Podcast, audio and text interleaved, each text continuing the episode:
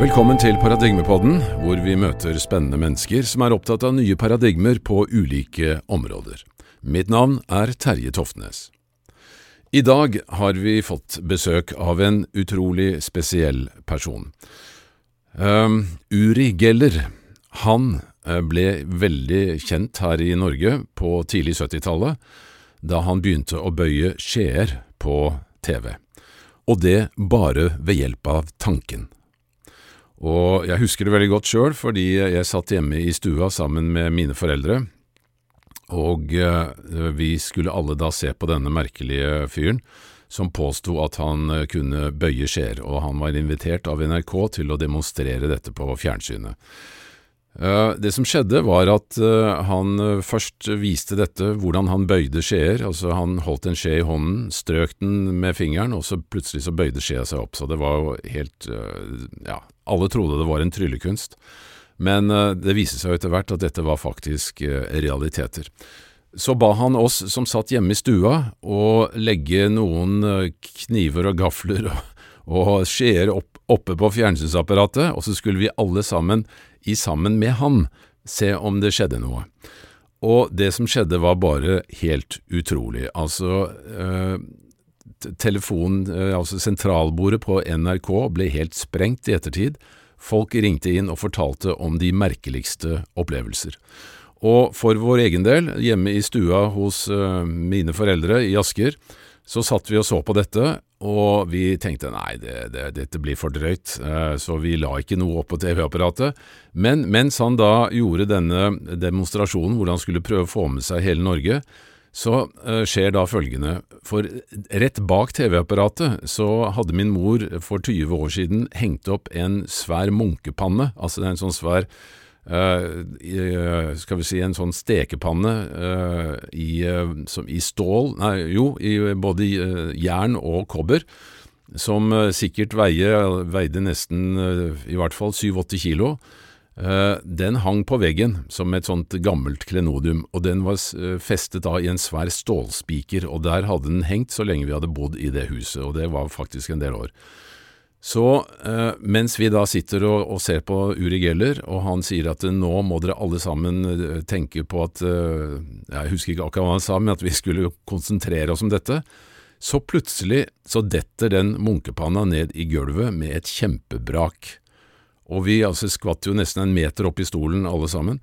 Eh, så går jeg bort og ser, og så har den spikeren da bøyd seg ned en tjukk stålspiker hadde bøyd seg ned slik at den falt ned på gulvet, og det var bare helt utrolig. Og så leste jeg da i Asker Bærum Bustikke dagen etterpå at eh, flere hadde opplevd lignende fenomener, blant annet så var det en dame i Slemmestad som hadde lagt en brødkniv opp på TV-apparatet, og den hadde vridd seg sånn at stålet kom ut av, av treskaftet og mange, mange andre som hadde lignende opplevelser, som også hadde lagt gamle klokker opp på TV-apparatet som hadde begynt å gå. Så dette var bare helt insane. Men Uri Geller han fortsatte jo å, å, imponere mennesker verden rundt, og ble etter hvert, altså på 70-tallet, da et uh, veldig kjent uh, ansikt og et veldig kjent navn. Så hørte vi ikke så veldig mye mer fra han uh, i lange perioder, i hvert fall så gjorde ikke jeg det, men han dukket da opp i Norge på en messe her for et par år siden, og da tenkte jeg nå skal nå, nå, må vi få snakke med denne mannen. Så jeg tok med sønnen min, eh, Troll, og vi dro og møtte Uri Geller oppe i et eh, møterom oppe på Lillestrøm, eh, der hvor denne messen var, og lagde et eh, ganske spennende intervju med han. Vi ville eh, spørre om hele, skal vi si, hva han mente selv da lå til grunn for dette, for han er jo blitt testet ganske inngående av bl.a. blant annet på Stanford-universitetet eh, i California av eh, han Putoff, Harold Putoff og Russell Targ, som er to veldig kjente altså forskere på psykiske medier. Og han leverte noen ganske overbevisende resultater, annet når det gjaldt telepati, at han i ni av ti tilfeller kunne tegne hva som var eh, inne i lukkede konvolutter, altså hvor de hadde tegnet da en, eh, en geometrisk figur eh, på et ark puttet inn i en lukket konvolutt, og ga det til Uri, og så skulle han prøve å tegne det samme på et ark ved siden av. Og i ni av ti tilfeller så stemte det altså helt forbløffende. Så konklusjonen der var jo at Geller-effekten var helt reell, og også denne evnen hans til å bøye skjeer.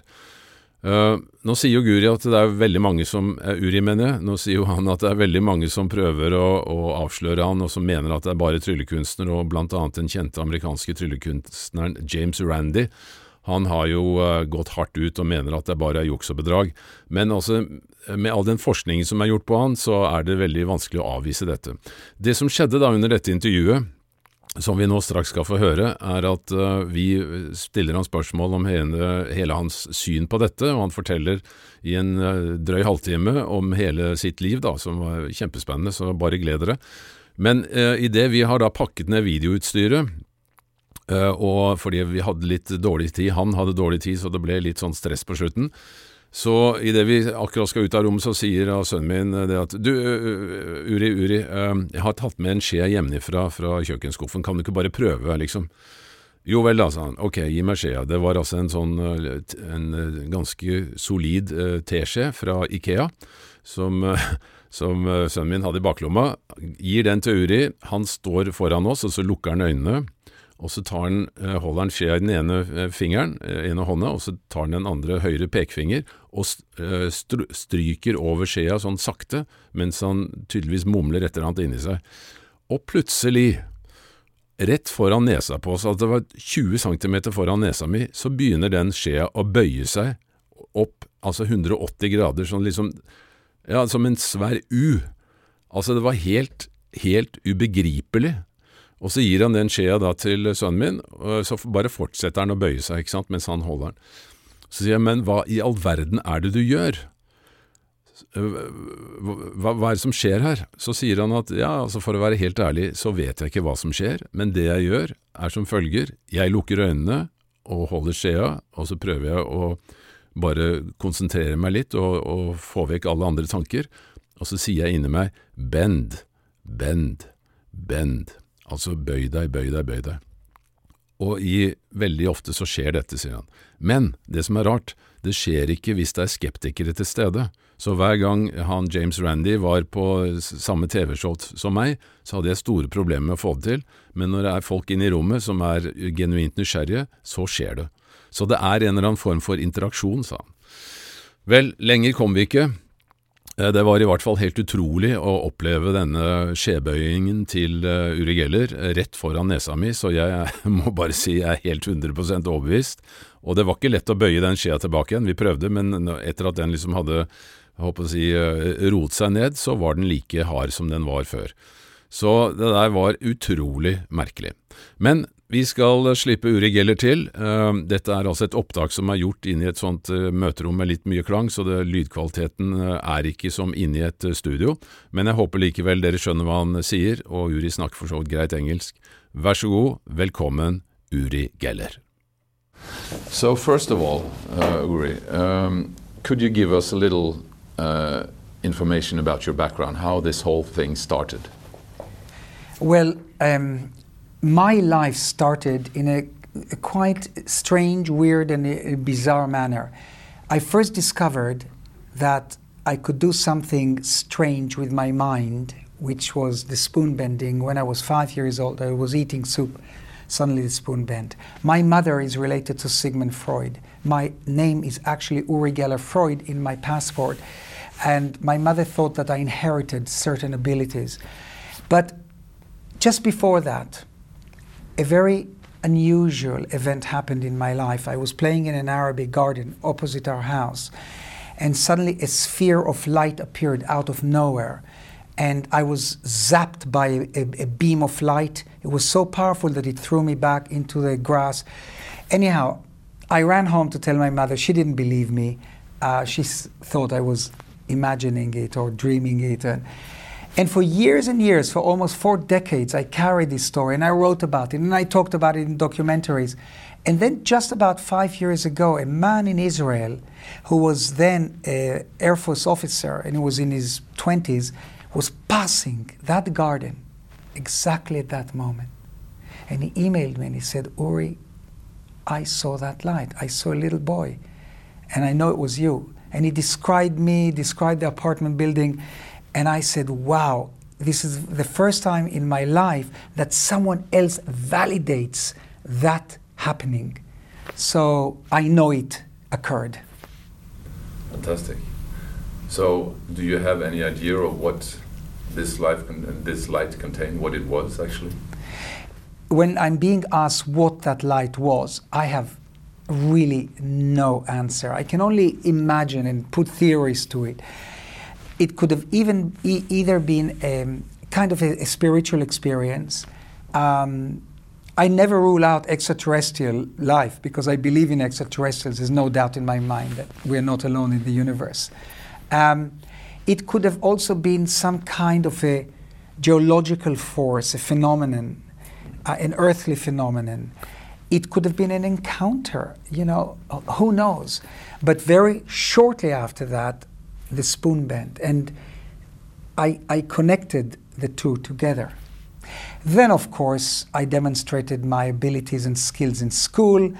Um, I, you know, I became well known uh, in the kind of uh, early 60s in school, Cyprus and Israel, because I grew up in Cyprus. And then um, I became famous when uh, I demonstrated my powers to small groups in Israel, in uh, you know parties in houses, and everyone was amazed and just shocked and surprised, uh, rather, uh, you know, from a trivial spoon bending and telepathy and fixing broken watches. And the word got out. I was invited to more prestigious house parties. And then one day, Golda Meir, the Prime Minister of Israel, was in one of these get togethers.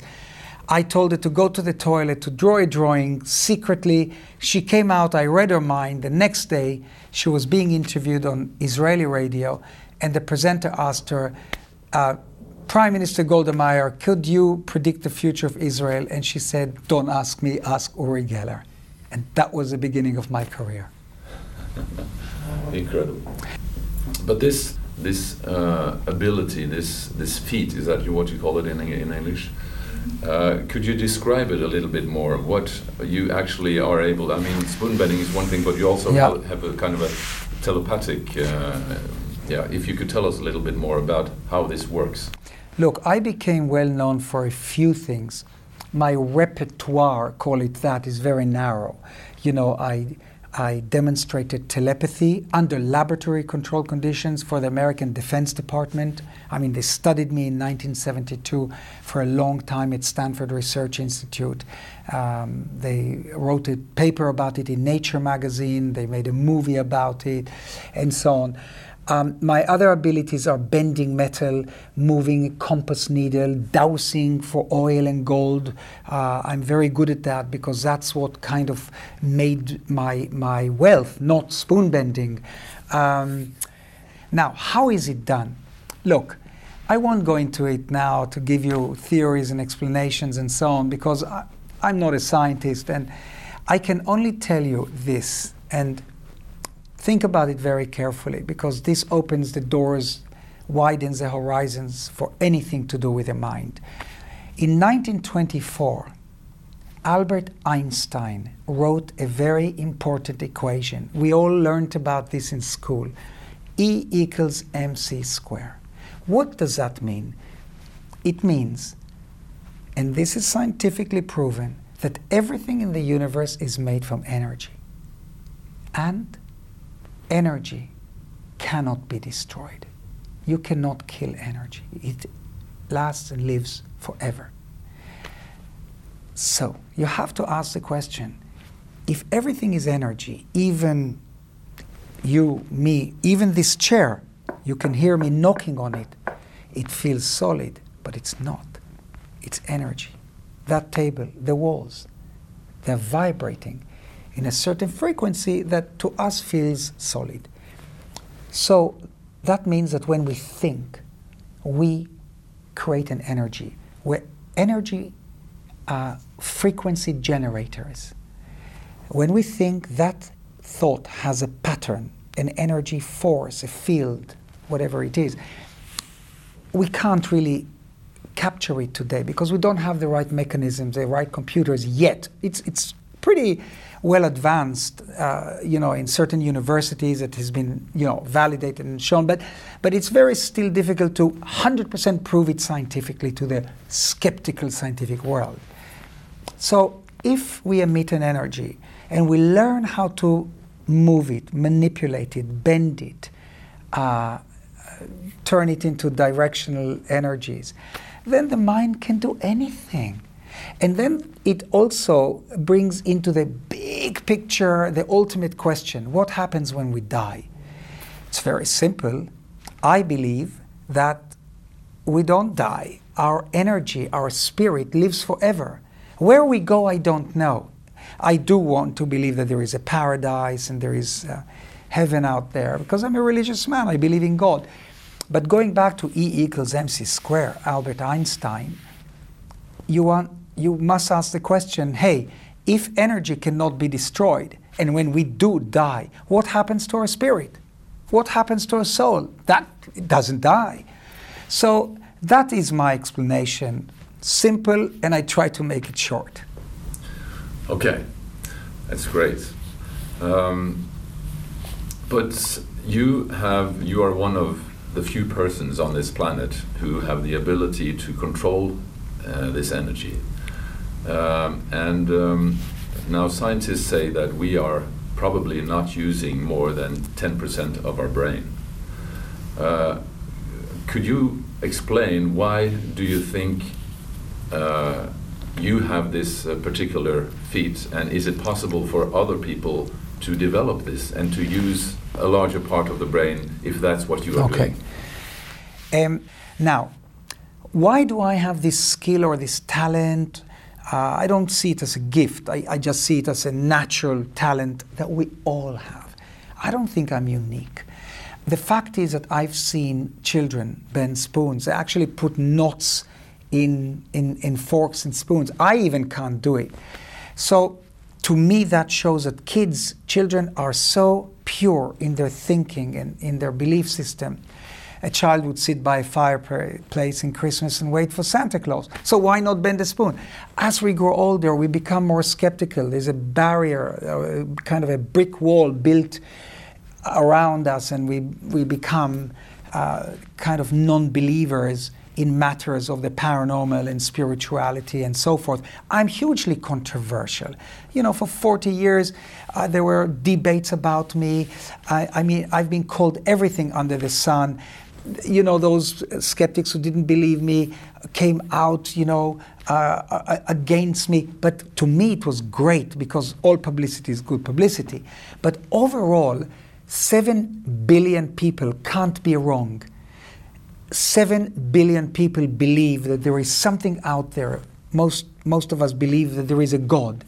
So, bring it, bringing it down to earth, I am just like you and everyone watching except I knew how to capture this talent and energy, harness it, exercise it, nurture it, because it was a necessity.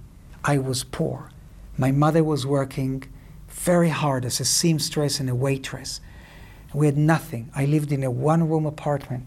So I told my mother, Mom, you wait and see. I will become one day rich and famous. So already then, I was beginning to think positive. Already then, I discovered the law of attraction that if you think positive, you draw positive things into your, your life. If you think negative, you'll, negative things will continue occurring into your life. So there's, I don't see any difference between um, me and other people, except I knew how to capture it, use it, utilize it, and show it to the world. Fantastic. But um, if we try to see this from, uh, let's say, a spiritual point of view, um, okay, we are uh, living in what we believe is a material uh, universe and we have a material body. But obviously, and also now the new science confirms that, as you say, uh, the uh, universe is made up of pure energy. and there is obviously a kind of um, a, uh, information structure or a kind of a software program that organizes this energy so that we can perceive it as, as uh, matter. But if um, we are created um, as uh, beings from some source, maybe some uh, God source, or maybe even our higher selves, um, why haven't we? Uh, I mean, why haven't we opened up for this being a uh, ability and a, and a feat that much more people have? Okay. Do you realize that humanity is very young? What we are a quarter of a million years old, really, if you come to think of it. Um, gosh, millions of years ago, there were the dinosaurs, and not even millions of years ago. Uh, so our planet is very young. Humanity has existed for a relatively short time. So I believe as evolution goes by, we discover and we find ways of penetrating into our consciousness in a much wider way. We discover the new reality, the paradigm shifts in life and evolution, in the journey of um, creating um, not only our life now, but our next life and, and next life and next life. So, because infinity exists, and infinity, in my opinion, is the most powerful word in the universe because it means no end. No end. Can you just imagine that? You can't. You can't even comprehend it, what no end means, because it's so vast. Our brains are relatively, well, yes, they're geniuses and they're, uh, you know, we've come along. I mean, come on, we have aeroplanes and cars and ships. Unfortunately, we also have nuclear weapons. Uh, and um, we are s- sadly killing each other in the name of religion. We've been doing that for centuries. But we are advancing slowly but surely. And why we haven't totally opened up yet to that powerful conscious energy, to whatever it is out there that is beaming it into us or giving us the hardware, uh, the wiring up of our brain. I don't know, but maybe it is a matter of time. 10,000 years from now, I might just think myself, close my eyes, and say, okay, now I want to go back home. Bingo, I will dematerialize. I'll disappear and I will appear back in my home because our minds will be able to control matter. Obviously, we are talking about thousands of years from now, uh, maybe millions, but we are advancing, no doubt. The fact is that the world is opening to accept these phenomena more now. Extraterrestrial life, UFOs, crop circles, ghosts, uh, uh, the energies of, uh, of the universe, the wonders of the universe. It means that we are advancing. Sure, there is always. Um, uh, kind of the negative side, uh, those close minded people. Who cares about close minded people? They're a tiny, tiny molecular nothing. So that's the answer that we are developing all the time. Very good. Um, in your um, performances, you sometimes encourage people when you are on TV to put things on their television sets. Uh, how is it that this uh, force, this energy, can reach out, uh, let's say, through Okay. through the ether, through Okay. TV antennas, and, and, and is not only yeah. Got what I- it. Throughout my career, as a matter of fact, I'm very proud and kind of boasting, and I show off with this that I created interactive television in 1970. Nobody even imagined that you can affect things in people's homes and so on. But I'll never forget the first time it was on the BBC, 1972. It was on David Dimbleby, a very famous uh, uh, presenter who still is around. Um, I was holding a fork, and then I asked people at home to put their forks on their television and bring their broken watches. I I don't know why I did it. Because I thought that I can transmit my energy through the lens going out of their televisions, and that will make it work. The broken watches of move things in their homes. And I d- bent the fork, broke it in half, and the BBC's telephone system blew up because so many millions of people reached for the phone in a panic. We can't believe it. My watch started ticking. My spoon bent. The picture on the wall moved. And you know what? And the next day, I was the most famous man in the world because the whole media system, there was no internet then. So it was all telefaxes, and uh, the world uh, newspapers shouted Uri Geller puts England in a bend. And it was really a massive phenomenon.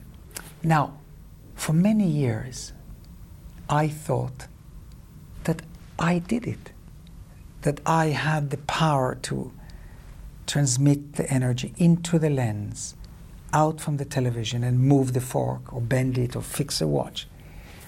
But then something really interesting happened.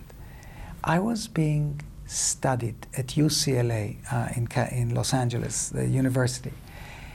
And a doctor, Dr. Thelma Moss, invited me to her class and she told the students to bring broken watches.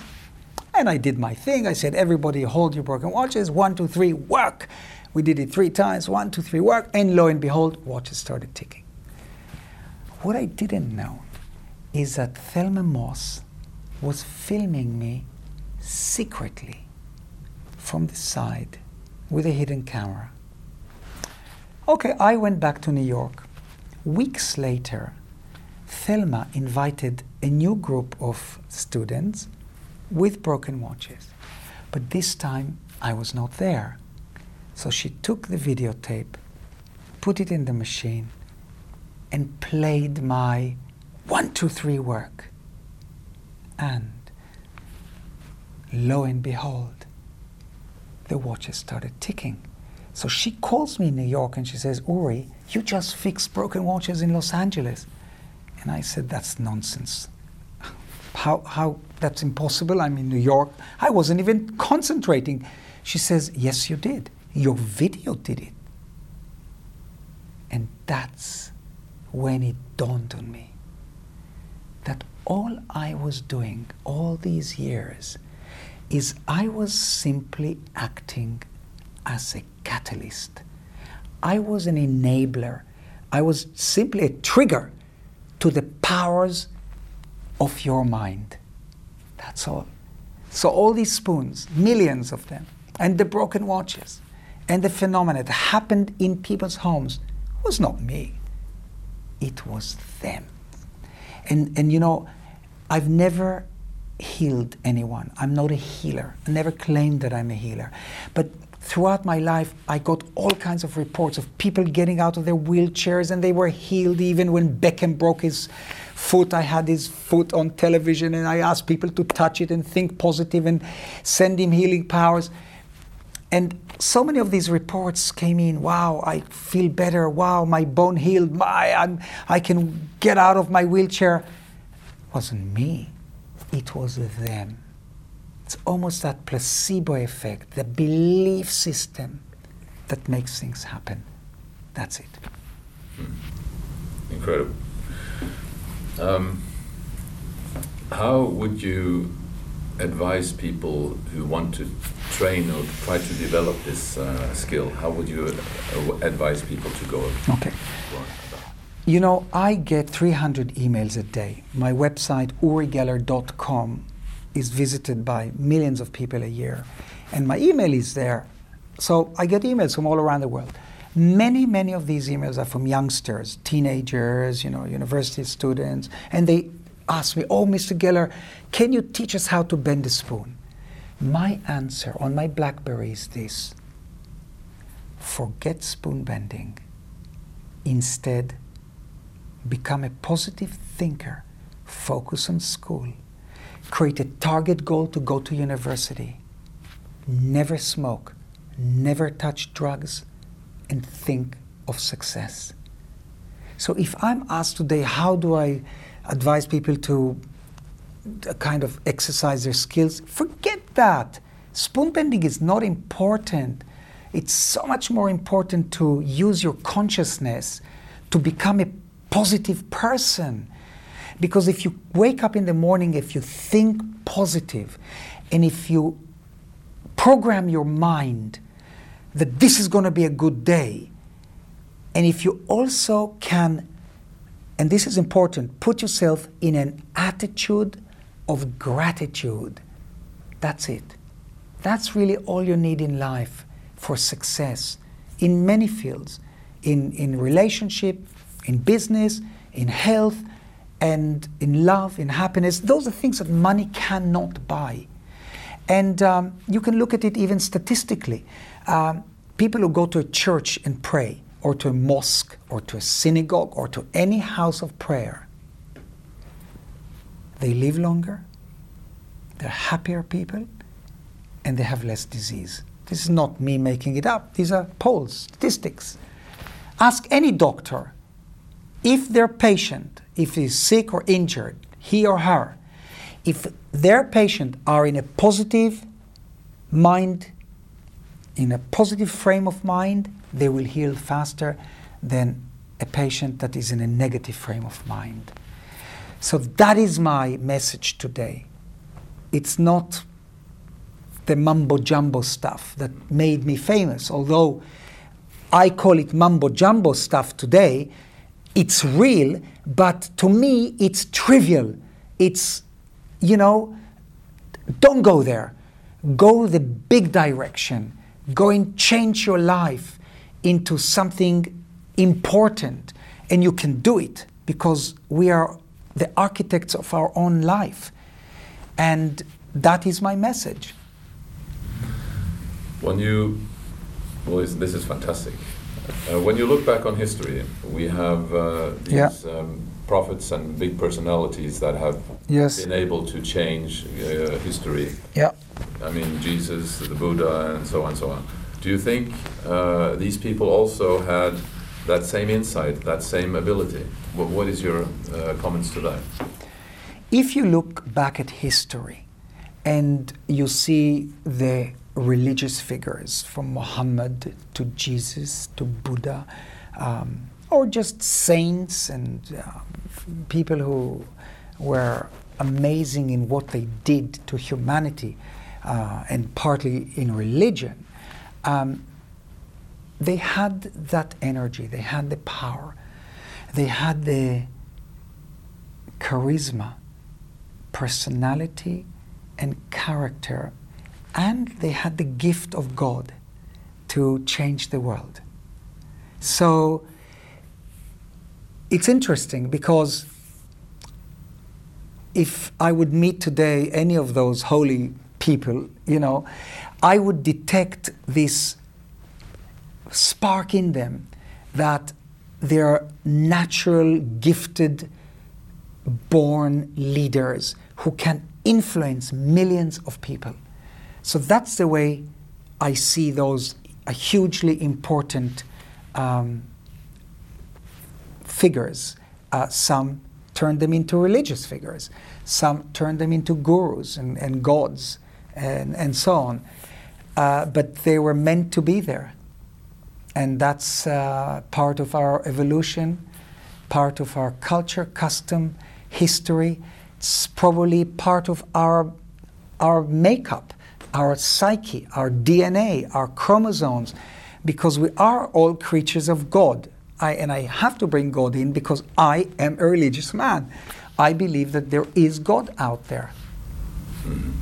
But how do you regard yourself then? I mean, how um, uh, do you look at yourself? I mean, people look at you as a guru or a, Yeah. a kind of a holy.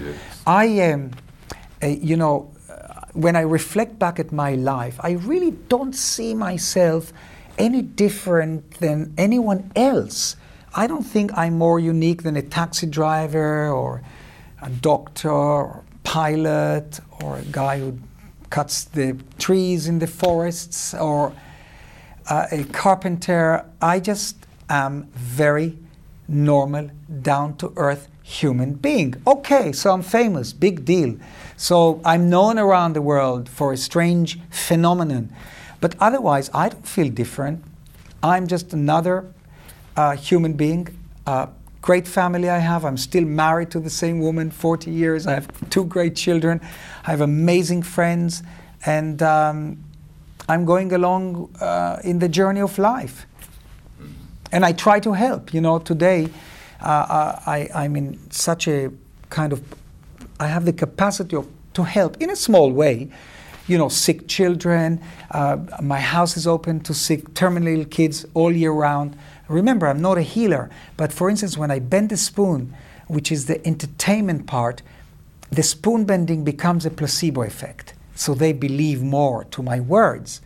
So I can talk to them about thinking positive, about working with their doctors, taking their medicine, visualizations, affirmations, confirmations, which make their life better. Just a little comment on the religious perspective. Uh, do you have any thoughts on on what or who God is? You know, the ultimate question is um, how did we become? How did we materialize? And uh, obviously, theologians will say God. Um, strong scientists will say it's energy. It's really, you know, kind of the same answer. Um, I really visualize God in a biblical manner. You know, the famous paintings, the person with a long white beard, you know, that's the way I visualize God. Um, but I don't think we'll be able to understand how vast and powerful that question is because it's difficult today in our evolutional stage to come to an, an answer. I don't think anyone can answer that. What they will say is there is something out there, that somebody created us, and, and that is God. And this is why I pray to God every day. Um, uh, whenever I have a moment, whenever, for instance, my eyes are attracted to 1111, that is my key powerful number. Um, I give a little prayer to people who suffer around the world. And um, I guess um, I was born a believer. Uh, it is wired into my being that there is a supreme being, and I call it God. Okay. So um, before we end, end then, uh, just one minor uh, question, and I have an ending question also. When you do things like reading someone's mind, which you demonstrated on uh, Norwegian television yesterday, is it something? Oh, you watched that? Uh, I didn't see, but uh, yeah. Um, but, but I had people who told me what, what was happening. But uh, is it something that you have to concentrate very, very hard on, or just does it just okay. pop up in your mind? Whenever I demonstrate my talents or skills, call it whatever you want to, um, of course, I have to concentrate. It doesn't, uh, I can't read minds. I can't read your mind. If you would concentrate, say, on something specific, a drawing or a color or a name, I could probably pick it up. But it does drain me. You know, when I do my uh, live motivational, uh, you know, demonstrations, uh, and I show people, you know, what uh, made me famous, it's tiring. You know, I'm not a machine. So, um, telepathy, I learned how to visualize it in my kind of inner vision, the third eye. I visualize a television screen. And when someone thinks of a, th- of a pattern, uh, I see it drawn into this imaginary television screen in my mind, and then I draw it, and most of the time it's even the same size. And that's what the, basically um, Nature magazine wrote about when they came out with a paper about the tests that the Americans did with me at Stanford Research Institute in California in the early 70s. And when you do, spoon bending, do you have to concentrate very hard on that too? It yeah. doesn't just no. happen like that, no? When I do spoon bending, I do have to concentrate, although sometimes the phenomena happens around me. You know, I, I, had hundreds of times sitting in a restaurant and the next table spoon bends or a fork. Oh, this happens to me all the time. But I don't believe that's me. I think it's just the people who recognize me, talk about it, and they generate their own energy. They generate the power. They're empowered probably by just me being there, and they create it. So it's, it's quite amazing, and I had an, an extraordinary life. Uh, and I can't believe that I'm still around after 40 years uh, of traveling the world. But um, I shifted, you can see from my interview with you, that my focus is really about positive thinking and not spoon bending. So to close up then, um, uh, how would you, what would you say to people uh, that are planning their future, like young people? What, what would you tell them to focus on, and uh, how do you think things will develop? You know, I've been asked a million times what advice I, I give young people who, who, are struggling, really, um, statistically looking at the wide range of uh, uh, young kids uh, in many different countries around the world, really have a very tough time especially because of the economical situation, because the circumstances around them, and uh, you know the unfortunately the world situation. It's a, it's very tough today for a young uh, person or a couple to be successful. But again, what you visualize, you can materialize. That's my kind of what I believe in. So my advice is no matter how tough the times are and your struggle, always remember this that there are worse things around you. Just etch this into your memory. Every three seconds, a baby dies from hunger somewhere around the world. If you think like that, then you better be in an attitude of gratitude and start accepting and being happy with what you have around you. And that will give you peace of mind. And if you have peace of mind, you're empowered by energy that will drive you and make good things happen to you. And that's it. Very good. Okay. Thank you so much. You're welcome.